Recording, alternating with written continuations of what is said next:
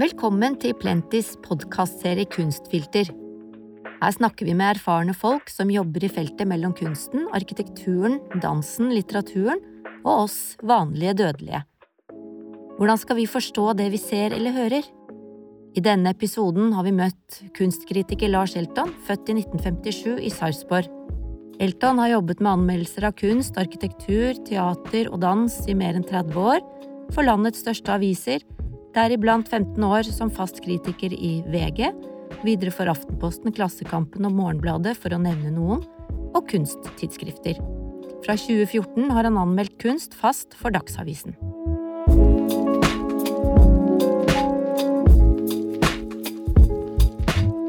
Lars eh, Elton, velkommen eh, til Plentis eh, podkast. Tusen takk. Du har jobbet for de viktigste kunsttidsskriftene i eh, landet vårt, også veldig mange store aviser. Hva var det som fikk deg til å begynne med dette? Nei, Det var vel mer eller mindre en tilfeldighet, i hvert fall at jeg ble kunstkritiker. Men jeg startet jo eh, først som eh, teater- og dansekritiker i Morgenbladet. Jeg hadde en liten periode før det også, men den er ikke så viktig. Eh, og så oppdaget eh, redaktøren der at, eh, at jeg hadde hospitert på Arkitekthøgskolen. Så da ble han fyr og flamme, for han hadde prøvd å få tak i en arkitekturkritiker i flere år. Så, jeg, så jeg begynte med det. Og, og, etter masse turbulens, bl.a. fem år for Aftenposten som arkitekturkritiker, så var det en dag at jeg fikk en telefon fra Therese Bjørneboe, som var kulturredaktør i Klassekampen, og hun spurte om jeg kunne skrive kunstanmeldelser for, for den avisen. Og da sa jeg ja, hvorfor ikke? Typisk mann, ikke sant? For jeg hadde jo aldri satt mine ben på Kunsthistorisk institutt, og, og hadde ingen formell utdannelse i kunsthistorie, men, men jeg hadde alltid vært glad i kunst, så jeg syntes det hørtes spennende ut. Så da satte jeg i gang. Og siden så har jeg holdt på med det, og det er, eh, er nå snart 30 år siden. Ja. Du, um, du, sa det der med at ikke du hadde noen formell bakgrunn. Hvor, hvor viktig er det i kunstverden i dag?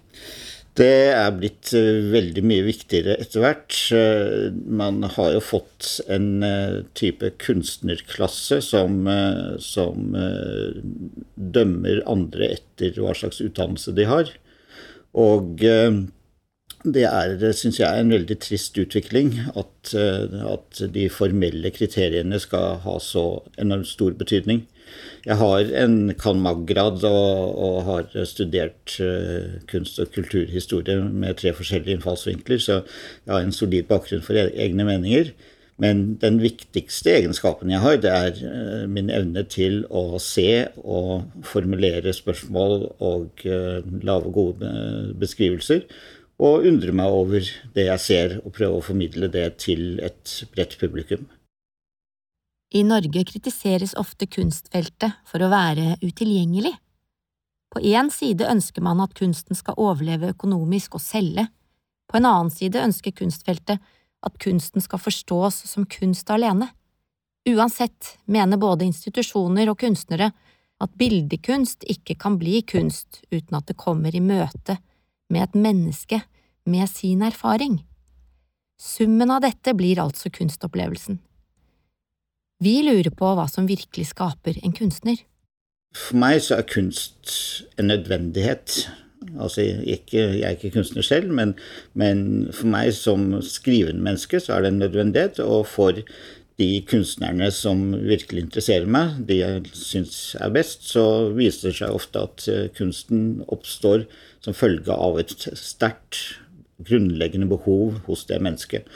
Og, eh, og, hvis du ikke har det behovet, hvis du ikke har den nødvendigheten av å skape, så blir du aldri, aldri en ordentlig god kunstner. Du kan studere så mye teori og, og, kunsthistorie du bare vil, men hvis du ikke har den drivkraften, så, så er det noe som mangler. For det fins jo kunstnere som absolutt ikke har noen såkalt akademisk eller formell ja, bakgrunn også? Jeg er akkurat nå ferdig med manuskriptet til en bok som skal utgis i oktober. Og, eh, og eh, Mia Gjerdrum Helgesen, som den boka handler om, Hun har masse utdannelse. Hun har en master i, som grafisk designer, eller som kommunikasjonsdesigner, som det heter nå. Men, eh, men, hennes eh, drivkraft, hennes behov for å lage kunst, har vært så stort at eh, hun i en alder av et par og 30 la hele den karrieren på hylla og startet opp på fulltid som, som billedkunstner. Hun har en del utdannelse på feltet også, selvfølgelig, men, men hun har ikke den formelle akademiutdannelsen som, som, som, mange mener er det eneste riktige i våre dager. Hvorfor er det det eneste riktige? Kan du si noe om det? Det er jo en måte å beskytte seg selv på. at eh, Når man har den utdannelsen, så er det et, et skjold du kan sette foran deg, og, som, som, gir deg en, en legitimitet som, som, gjør at du ikke trenger å eh, forsvare kunsten, den kunsten du lager. Fordi at du har den formelle utdannelsen, og da kan du vise det papiret, og, så, og, og da er det liksom godt nok. Ja, Men er det godt nok for, for den som eh, som er mottaker av dette budskapet, eller er det godt for eh, å kunne tjene penger? Det er eh, godt for å tjene penger, fordi det, det åpner opp en masse dører innenfor akademia, innenfor for, uh, kunstinstitusjonene. Og, uh, men det er ikke godt nok for publikum.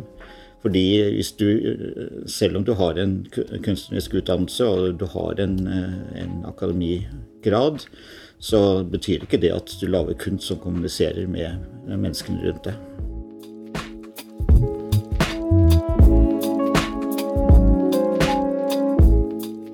Vi er invitert hjem til Lars Elton for anledningen, og her er det utradisjonelle og modige farger på vegger, og livet viser tidlig tegn på stor interesse for design og kunst.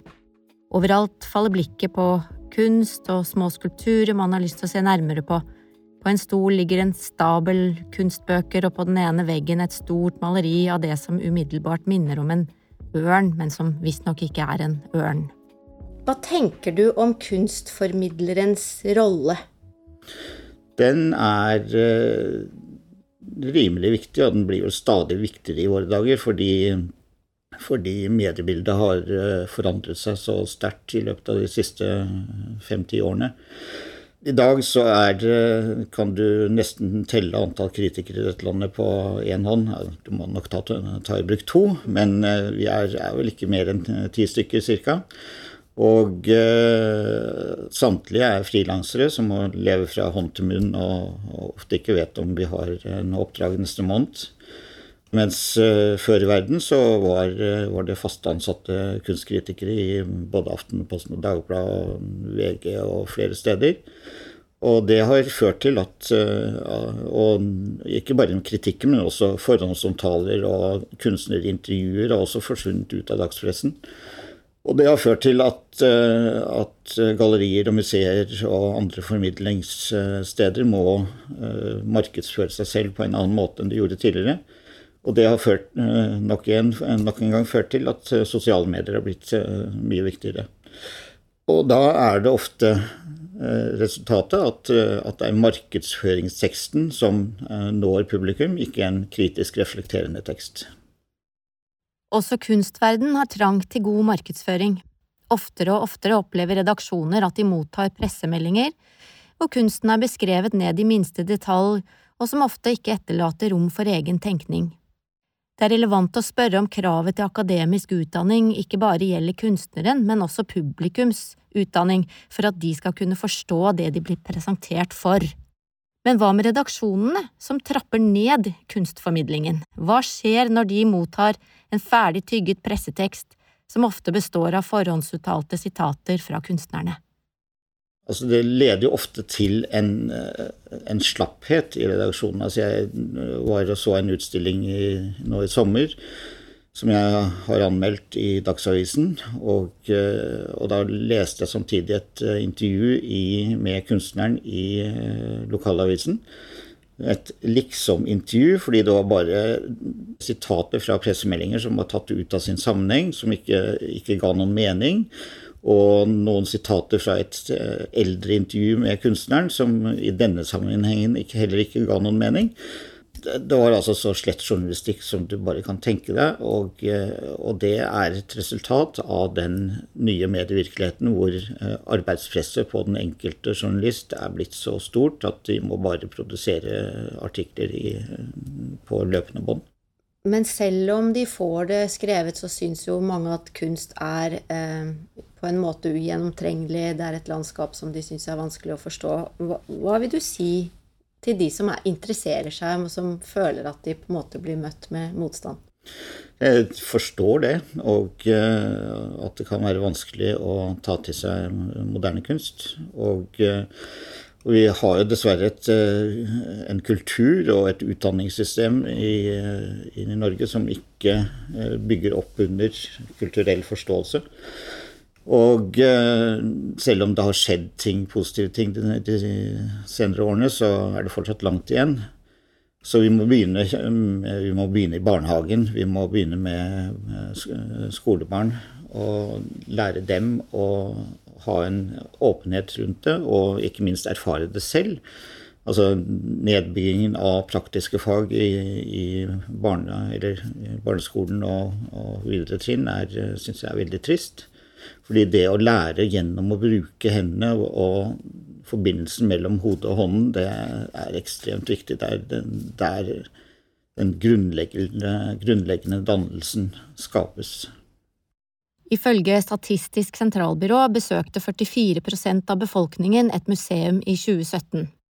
Det synes ikke Lars Elton er verst, selv om tallet inkluderer obligatoriske besøk fra skoleklasser. Det kunne ha vært verre, sier han, og selvfølgelig skulle man ønske at det var mange fler. Samtidig tenker han at det er et potensial i befolkningen, men han er ganske tydelig på at det ikke er et mål at alle skal være interessert i kunst. Tallet er et godt startpunkt for en ambisjon om å jobbe enda bedre for å få enda flere mennesker inn i museene, sier han. Men hva tenker han om museenes opprustning for å bli bedre historiefortellere og gi publikum mer kommersielle tilbud? Dette er et resultat av museumsreformen som har pågått i, i ti års tid. Og eh, det den dessverre har ført til, er eh, mer byråkrati og mindre utstillinger de store regionale museene i Norge de produserer kanskje én eller to utstillinger hver i året.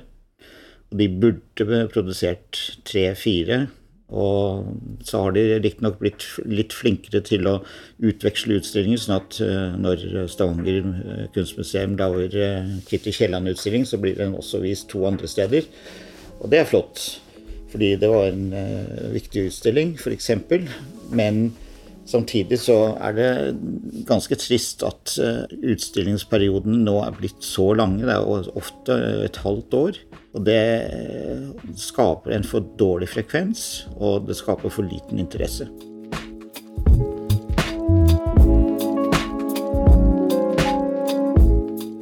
Tilbake litt til dette å være kunstkritiker. Ofte så kan språket være vanskelig og, og komplisert. Hvorfor er det sånn? Det er et symptom på det vi snakket om tidligere, at, eh, at denne universitetsgraden, denne, denne formelle eh, fasaden, er, er, blitt så viktig. Og, eh, og, det å føre et komplisert språk, det er en del av den distanseringen overfor et bredere publikum. Fordi man kan godt leve i kunstverden innenfor en liten klikk. Altså En gallerist trenger ikke mer enn eh, en håndfull eh, velstående samlere for å overleve økonomisk, hvis de sørger for å ha de riktige kunstnerne som, eh, som passer til disse samlerne. Et museum eh, trenger ikke nødvendigvis å henvende seg til det store publikum, så lenge de eh, blir, får eh, gode tilbakemeldinger fra det lille kunstklikken. Og enda verre i, eh, i en del uh, kunstnermiljøer som, hvor, uh, hvor den, den interne diskusjonen og den interne uh, møtene er mye viktigere enn en det å henvende seg ut. Så det er et, et til, til delvis sekterisk miljø som er veldig lite interessert i det brede publikum. Men samtidig så, så, er jo det bare en liten del av kunstmiljøet, så, så, vi skal ikke uh, trekke alle over én kam. Og, uh, og, det er viktig å, å huske på at, at, de fleste kunstnere de er opptatt av sitt eget møte med publikum og ønsker å kommunisere. Så det er, det er et, tendenser i miljøet som ikke er positive, men i det store og det hele så, så, er eh, opptattheten av å nå fram til publikum veldig stor. Mm.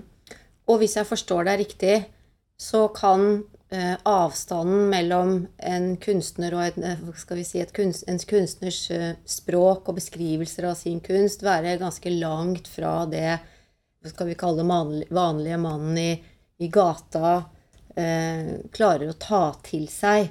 Eh, og du er litt inne på dette med at folk flest har litt dårlig De er litt dårlig rustet, rett og slett. Mm. Til å, så, så, nivået må kanskje jevnes ut på et vis. Hvordan kan det ja. Nei, altså eh, når, når den jevne mann i gata, eller jevne kvinne, eller hen, ikke har eh, blitt satt inn i kunst og kultur som en del av barneoppdragelsen, så er, det, så er det, klart at, at, eh, språket som eh, man omtaler kunsten med, som formidler kunsten, er ekstremt viktig for hvordan du, eller din mulighet til å nå fram til publikum. Og i deler av miljøet så, så er det å føre et uh, komplisert uh, språk med masse fremmedord og, uh, og kompliserte termer en del av den fasaden man holder. Og jeg påpekte det i en uh, anmeldelse i VG en gang i tiden, hvor jeg kalte presseskrivet ren svada. Og da fikk jeg galleristen på telefonen etter, etter en times uh, Eller litt utpå formiddagen, og så holdt han en halvtimes entale hvor han fortalte meg hvor forferdelig dum jeg var, og at jeg burde utryddes fra jordens overflate omtrent. Og i det hele tatt. Det var en eh, meget interessant samtale. Én vei.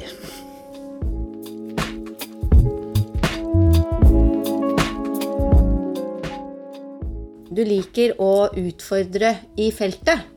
Eh, og tidligere i år så skrev du en kommentar hvor du kom i skikkelig trøbbel. Fortell hva som skjedde. Ja, det var eh, en kommentar i den nystartede Kunstavisen på nett. Og eh, det var om eh, kunstnere med innvandrerbakgrunn og hvordan de gledelig nok har inntatt sin rettmessige plass i det norske kunstfeltet. Og den artikkelen ble, ble, lest som fanden leser Bibelen. Eh, med andre ord, den ble feillest, jeg ble feiltolket, jeg ble tillagt meninger som jeg ikke ga uttrykk for i den teksten. Og eh, det skapte så mye oppstyr at eh, redaktøren valgte å avpublisere kommentarartikkelen. Og jeg syns jo det er, var en feil beslutning, men jeg ga mitt samtykke etter en i en eh, vanskelig prosess hvor ting, beslutningene måtte tas raskt. Men eh, det var helt klart at eh, det var ting i den teksten som kunne vært formulert litt annerledes. Men hvis du leser den med normale øyne, så, så, vil du se at det, at det, ikke er noe gale meninger. Og, og, for jeg ble tillagt da en sånn oss og dem-holdning. Og ikke minst, eh, teksten ble kalt en kritikk, noe den ikke var. Det var en kommentar. Og eh, det var flere feil i de karakteristikkene som ble levert i, ble levert i en motartikkel i det konkurrerende tidsskriftet Subjekt. De gikk jo ganske hardt ut, de. Og de kalte deg for, eh, jeg siterer, en etnisk hvit kunstkritikermann. Hva tenker du om det? Ja, jeg var til og med eh, aldrende, eller noe i den dur. Jeg har passert 60 år, så jeg har litt erfaring. Men øh, den teksten i Subjekt var like karakteriserende og øh, gæren som hun øh, påsto at min tekst var. Og Og, og, det interessante er jo at, at uh, Anders Eiebakke, som er en uh, venstreradikal uh, billedkunstner som har vært helt sentral i det antirasistiske miljøet, han skrev en ny kommentarartikkel hvor han gikk gjennom min tekst setning for setning og tilbakeviste alle påstandene i Subjekt sin artikkel. Og eh, som Anders Eibakke sa til meg etterpå, at eh, hvis det hadde vært et eneste ord som hadde hatt en antydning av rasisme i din artikkel, så hadde jeg tatt deg med en gang. Men det jeg gjorde i den artikkelen, som, som, som, de da arresterte meg for, var at jeg tillot meg å telle Altså at hvor mange av, av stipendmottakerne av Sparebankstiftelsens eh, kunststipend har vært etnisk norske i forhold til utenlandske av forskjellig avstamning. Altså det er, det er folk fra Øst-Europa, fra Syd-Europa, fra Afrika. Så, og den slags kan man tydeligvis ikke gjøre i våre dager. Nå gikk jo Gelmeiden av i Gelmeiden og Kise. og ja vi vet jo ikke helt om, om, sammenhengen er der, men nylig så var han jo også litt i trøbbel fordi han, han mente at eh, folk med innvandrerbakgrunn hadde ikke noen problemer i Norge. Mm. Og det viste seg jo etter at han da måtte på radioen og hadde gjort research, så skjønte han jo at det var jo feil, og det burde han jo kanskje visst. Mm. Eh, at eh, folk med innvandrerbakgrunn har faktisk, fordi de har et annet etternavn, så, så får de faktisk ikke jobb. Mm. Eh, så det har jo vært en misforståelse. Ja da. Intensjoner kan du aldri eh, garantere for at blir, eh, blir lest slik du ønsker det. Og, og, derfor er arbeidet med teksten veldig viktig. Og jeg ser at det er et par formuleringer i den teksten som, som er egnet til å skape misforståelser. Og det, og det, og det er da jeg sier at hva har man en redaktør for? Jo, redaktøren sendte meg en e-post en halvtime etter og sa at takk for en, en skarpt formulert og godt skrevet eh, tekst. Og så gikk det ti dager, og så publiserte hun den, og så gikk det to dager, og så var det krise.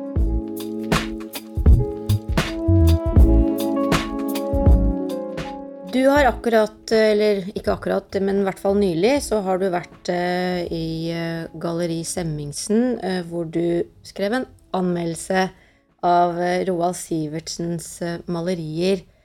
Og her er vi jo inne i et, skal vi kalle det, et rom hvor veldig mange mennesker kan få glede av det de ser.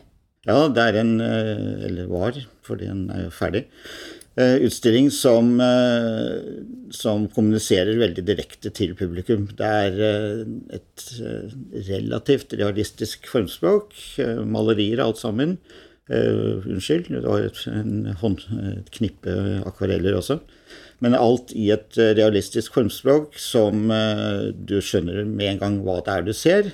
Samtidig som det er en dybde der som, eh, som, ikke er helt opplagt, som du må sette i gang eh, tankene dine for å, for å forstå, og eh, ikke minst for å forstå hva det faktisk innebærer, de små antydningene som han pensler fram. Ja, fordi at det du sier er, eller skriver, er at maleriene hans tar utgangspunkt i direkte observasjoner fra hverdagen. Så enkelt er det selvfølgelig ikke. Nei, fordi det med observasjoner fra hverdagen var jo kunstnerens utsagn i presse- eller informasjonsskrivet.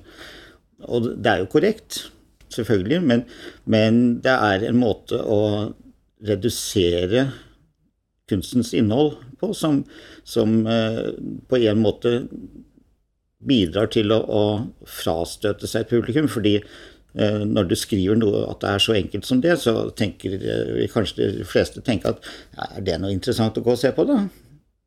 Og, og så det er sånn, hvordan, Hvilke ord du bruker, hvilke formuleringer du bruker, er så avgjørende for, for hvordan ting blir sett og mottatt. Men så tenker jeg også at det er noe med lagene i kunsten. Noe er jo på en måte det første laget der du ser det du ser. Mm. Men så ser du noe mer. Ja. Og det er jo det du avslører i den lille setningen. Ja, det er det. Og så bruker jeg da resten av anmeldelsen på å finne ut av hva er det jeg ser, og hva er det jeg kan tenke videre på. Og det er jo det som er, som er det karakteristiske ved all god kunst, det er jo at, at det tåler øyets slitasje, som er et, et begrep som jeg elsker å bruke. Fordi det at uh, god kunst det gir deg noe nytt hele tiden. Altså, sånn, selv om du har sett det før, så kommer du hjem og så ser du det på veggen, og så plutselig en dag så ser du Oi, det har jeg ikke lagt merke til. Der er det noe. Og det er nettopp den opplevelsen av hele tiden kunne hvile og, og, og uh, gå på jakt i, i kunsten, som, som, er det fantastiske muligheten som ligger der. Og da er det jo naturlig for meg å, å spørre deg om om hvorvidt det å skrive om kunst også er en kunst? Selvfølgelig. Altså for meg så, eh, så er det for så vidt ikke så viktig hva det er jeg skriver om, men det er måten jeg gjør det på. Og for meg så har det aldri vært noen tvil om at jeg skriver for et bredt publikum, men for et interessert publikum. Jeg skriver ikke for ekspertene, jeg skriver ikke for kunstnerne, jeg skriver ikke for arkitektene, ikke for uh, musikerne hvis jeg anmelder musikk, osv. Eh, hvis de har en glede av det og, kan oppdage noe nytt eller forstå noe nytt, så er jo det selvfølgelig flott. Men mitt, min primære mottaker er et uh, vanlig interessert menneske som, uh, som er interessert i å finne ut noe mer. Og helt til sist i, i dette intervjuet, Lars. Um, hva har du lyst til å si til en person som kjenner trangen til å bli bedre kjent med kunst, men som ikke vet helt hvor man skal snu seg eller begynne? Det er å se så mye du bare kan. Og, eh, og er det noe du ikke forstår, så ta tak i galleristen eller det museumsmennesket som forhåpentligvis er i nærheten, og spør Jeg skjønner, eller si Jeg har vanskelig for å forstå dette her.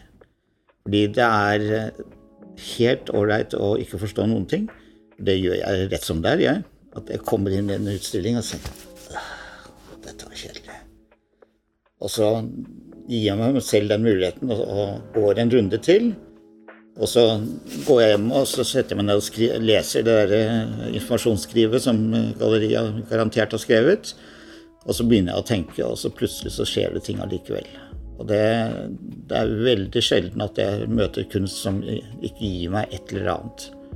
Så hvis du ikke forstår noe, si det, og så snakk med noen.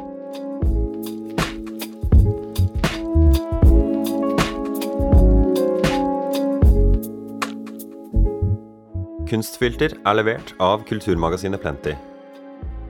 Produsent og vert for denne podkasten er redaktør i Plenty, Anniken Dedekam Råge. Klipper og mikser er meg, Peter Berg. Du finner Plenty i sosiale medier på Facebook ved å søke på kulturmagasinet Plenty, eller på Instagram ved å søke på Plenty Magazine.